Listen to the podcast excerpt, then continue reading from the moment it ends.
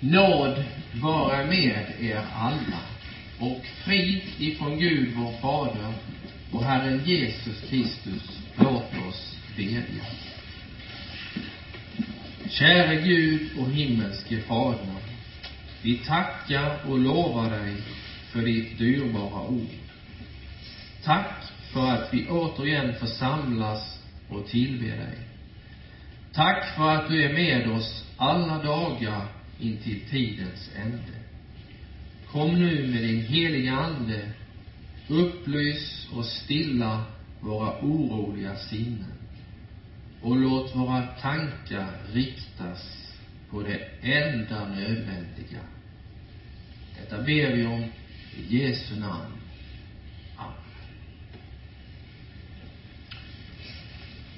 Kära församling, kära vänner i Kristus Jesus. Gud har fridens och icke ofridens tankar om oss alla. Gud, han är tröstens och han är hjälpens Gud. På samma sätt som han fick uppmuntra sitt folk där borta i Babel eftersom de hade slutat att sjunga så vill han uppmuntra och glädja dig som har kommit till kyrkan idag. Hur mörkt och hur underligt det än ser ut så har Gud alltid en plan för sitt folk. Och alltid omsorg och alltid omtanke om varje människa. Vi fokuserar ofta kring den här världen och vad som finns runt omkring oss. Men vi glömmer så lätt att vi bor ännu i främlingslandet. Och sångens stämmer så väl överens med våra erfarenheter. Långt från mitt hem jag vandrar här. Mitt sällskap sorg och möda är. I torsdags så var det Kristi himmelsfärdsdag. Men vad innebär himmelsfärden? Jo, Jesus han avslutar sin verksamhet här på jorden. Och de något förundrade lärjungarna fick vid himmelsfärden besök av två män i vita kläder som sa Varför står ni här och ser mot himlen? Det förklarar att han har nu farit upp till himlen för att det var ju därifrån han kom och dit och för att det var därifrån han kom och för att ännu en gång därifrån komma tillbaka till oss här på jorden. Det var de tafatta och undrande lärjungarna vid Oljeberget som fick se detta. Men den andra gången när han kommer tillbaka, då behöver vi som kristna inte stå tafatta och undrande. Då blir det en resa som inget charterbolag i den här världen ens kommer i närheten Jesus for till himlen, det vill säga det som vi ser när vi tittar rakt upp. Det är inte det, utan himlarnas himmel rymmer ju honom inte. Och fastän han har lämnat oss, så är han med oss alla dagar intill tidens ände. Men Gud har gett oss himlavalvet som en symbol för sitt majestät och sitt välde. Och vi läser om det så underbart i den nittonde Psaltarpsalmen. Himlarna vittnar om Guds härlighet. Himlavalvet förkunnar hans händers verk. Den ena dagen talar om det för den andra. Den ena natten kungör det för den andra. Utan tal och utan ord. Deras röst hörs inte. Det når ut över hela jorden. Deras ord når till världens ände. Och åt solen har han gjort en hydda i den.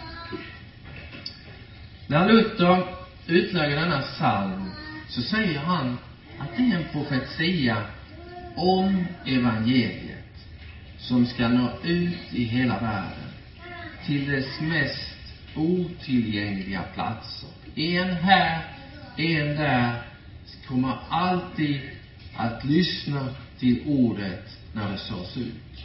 Det blir inte många skaror, utan det blir en liten skara här och en liten skara där. Det ska predikas dag och natt och precis som solen lyser och gör oss glada så ska evangeliet om Kristus glädja varje människa som lyssnar. Himlavalvet, det är ett tecken på att Gud finns. Och vi har av Gud lärt oss att lyfta våra huvuden och blicka upp mot himlen för att söka hjälp. Fader vår, läser vi, som är i himlen. Jesus säger också till Pilatus, för att om möjligt få honom att förstå hans makt, att den, den är också ovanifrån. Sådana bilder, de är nödvändiga på samma sätt som vi säger, säger att solen går upp, när den i själva verket har varit jorden som har snurrat ett varv. Därför lyftes Jesus upp i lärjungarnas åsyn inför deras ögon. För att gå igenom den förlåt som skiljer vår värld och Guds rike. Han har farit upp till himlen och vad gör han där? Jo, han tänker på var och en av oss. Han ber för oss. Han talar väl för oss inför Fadern, läser vi i vår bibel. Till de bekymrade lärjungarna och till oss så har han sagt och kommer att säga i alla tider, i min faders hus finns det många boningar och hade det inte varit det så hade jag sagt det. Idag är det sjätte söndagen efter påsk. Och precis som nu naturen har tagit en långsam skepnad med blommor och löv så har vi också snart ett skifte när det gäller kyrkoåret. Undervisningens tid med allt vad frälsarens ankomst, hans under, tecken, hans död och uppståndelse och himmelsfärd ska nu omsättas i praktiken. Där vi ska växa i vår kristna tro och omsätta vår kunskap i helgelse och fast förvissning om att ordet, det gäller oss och det gäller våra barn. Det påminner oss kyrkoårets gröna färg som vi kommer att klä oss i om, några, om ett par söndagar. Så långt sto, denna stora dags fir, firningsämne. Vår korta lilla text i slutet av Johannes 15 och början av Johannes 16 börjar att påminna oss om vikten av och att vi har en tredje trosartikel. Där vi alla i Luthers förklaring lärt oss att vi tror att vi inte kan tro av oss själva, utan den helige Ande har kallat oss genom evangeliet. Vi behöver alltså allihopa, var och en av oss som är samlade här idag, en hjälpare. Om inte anden upplyser ordet, så är det tomma ord och vanliga bokstäver. Andens stora uppgift är förutom att upplysa, påminna, påminna. Och det råder inget motsatsförhållande eller någon spänning mellan ordet och anden. Anden i ordet oss kallar. Det var han som en gång talade också genom de heliga profeterna. Det var han som ingav dem vad de skulle skriva. Den helige Ande, han bor i ordet. Och när han vill så verkar han genom ordet. Genom detta ord så kallar han oss alla till Guds rike. Om inte anden kom så skulle ingen av oss kunna tro. Vi i vår församling och vi i Lutherska bekännelsekyrkan, vi säger inte som den nya biskopen i Växjö stift. Bibelns texter behöver tolkas på nytt i varje tid. Och tolkningen ser olika ut beroende på vem som tolkar. Det var inte så Jesus undervisade sina lärjungar. Utan den som talar, som vi läste i vår text, han ska tala i enlighet med Guds ord. Man blir inte ett Guds barn eller en troende människa på ett annat sätt idag än på Jesu tid. På Biblikum fick vi lära oss att Bibeln är sin egen tolk. Det vill säga, vi kan aldrig gå utöver vad skrivet är. För att om vi, om ni förblir i mig och mina ord, säger Jesus, så är ni mina lärjungar. Ni ska förstå sanningen och sanningen ska göra er fria.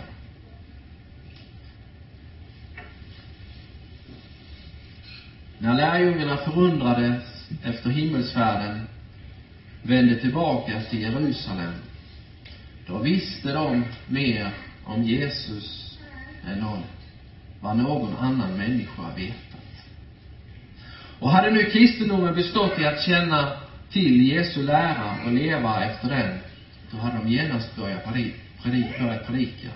Men de avvaktade på Jesu befallning. Det var, som vi läser i vår bibel, stilla i bön. De hade ännu inte fått marschorder. Låt oss vidare tänka på verket som väntade dem. De hade fått uppdraget att vittna om Kristus. De hade ju varit med ända från början. De hade sett allt. Och framför allt hade de varit vittne till hans uppståndelse. Här låg svårigheten. De skulle vittna om han som hade blivit avrättad som hädare och upprorsmakare. De kunde vänta sig precis det motstånd som vi läste i dagens evangelium. Man kommer att förfölja er. Man tror man gör Gud en tjänst om man dräper er. Lärjungen är inte för mer än mästaren. Och har de kallat husbonden Belsebul, hur mycket mer ska de inte då kalla hans husbond? Och här gäller det inte frukta den som väl kan dräpa kroppen men inte har makt att göra något alls med. Det är en verklighet som vi kanske inte alltid, alla dagar, har för ögonen. Men profetian har gått i uppfyllelse flera gånger under historiens gång. Missionärer, präster och enkla kristna, de har blivit dödade av precis den anledningen som Jesus säger i vår text. Det känner varken mig eller Fadern. Just i de trakterna där de stora bibliska personerna Abraham, Jakob, Isak levde och växte, där bedrivs idag den största förföljelse av dem som tror på Herren Jesus. Andelen kristna, läste jag i veckan, i Syrien, Iran, Irak, det har minskat på hundra år från 10 procent till 3 procent. Det finns, kära vänner, alltså två förföljelser. Den ena är påtaglig och fysisk, där man handgripligt dödar kristna. Den andra är när man vilseleder själar genom att predika och förkunna ett annat evangelium. Rakt motsats till det som Jesus överlämnade till sina lärjungar. Det är inte så som biskopen i Växjö säger, att Bibeln behöver tolkas på nytt i varje tid. Guds ord är tidlöst. Människor förändras, men Guds ord förändras aldrig.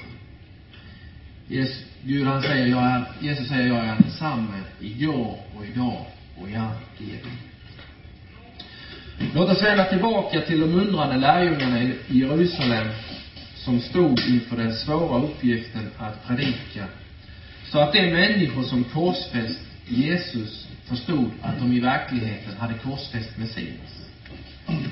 Det skulle slå hål på den obotfärdighet som Jesus själv mött så många gånger under sin vandring i Galileen. Och än mer, de skulle bevara ordet rent.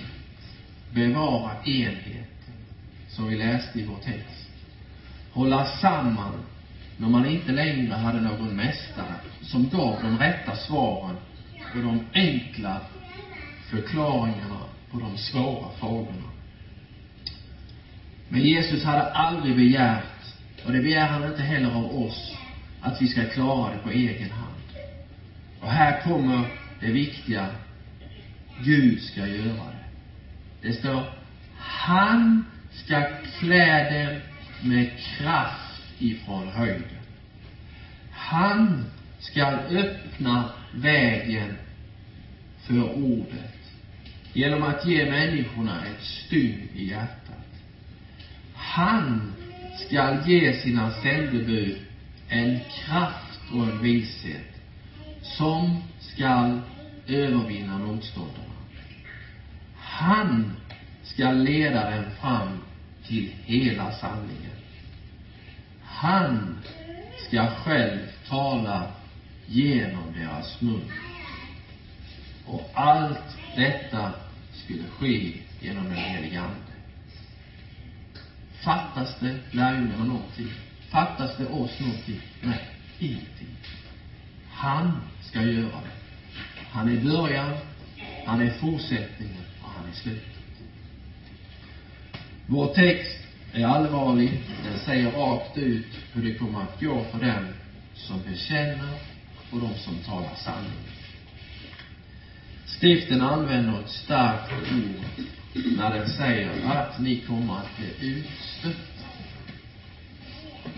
Eller för att använda ett modernt ord, ni kommer att bli mobbade. Varför? Därför vi har en uppgift att säga sanningen om människan. Och den är många gånger obehaglig att höra. Hellre vill man höra att allting är bra än att bli uppmanad till syndabekännelse, omvändelse och bättring. Kära vänner, Anden vittnar om Kristus. Det är den helige Andes egentliga uppgift. Därför ställer Paulus Andens ämbete i motsats till lagens ämbete. Lagen dödar, men Anden ger liv.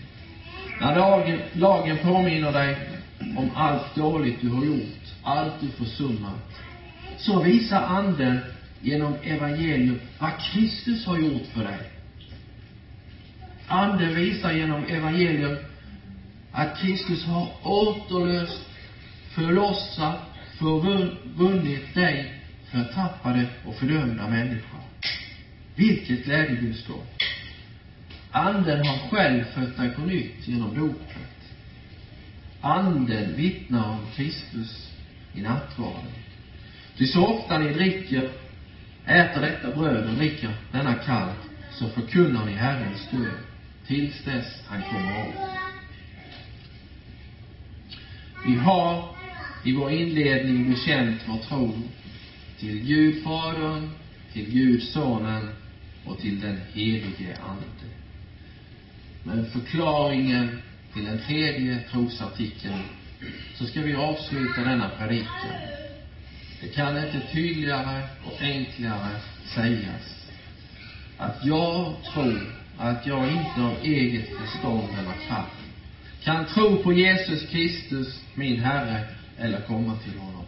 Utan den helige Ande har kallat mig genom evangelium, upplyst mig med sina gåvor, helgat och behållit mig till den rätta tron. På samma sätt kallar, församlar, upplyser och helgar han hela den kristna kyrkan på jorden och bevarar henne i Jesus Kristus i den rätta tron. I denna kyrka förlåter han dagligen mig och alla troende alla synder. På den yttersta dagen ska han uppväcka mig och alla döda och ge mig och alla som tror på Kristus evigt liv. Det är visst och det är sant. Denna trosartikel, det är inte många konfirmander som fortfarande lär sig detta. Vi i vår kyrka, vi är angelägna om detta. Vi gör det för att orden är hämtade direkt från skriften. De är tydliga och de är klara och framför allt så tröstefulla och hjälp.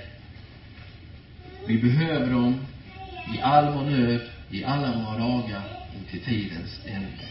Amen. Låt oss bedja. Så tackar vi dig, Gud, min vår kära himmelske Fader. Tack för att du har sänt oss hjälparen, den helige Ande, som hjälper oss att förstå ordet där du har uppenbarat dig, att du förlåter oss alla våra synder, alla dagar intill tidens ände. Hjälp du oss, du vet vad vi behöver, både till kropp och själ. Bevara nu ordet i allas våra hjärtan, så det blir oss till varning, förmaning, men också till stor glädje och tröst. Detta ber vi om i Jesu namn.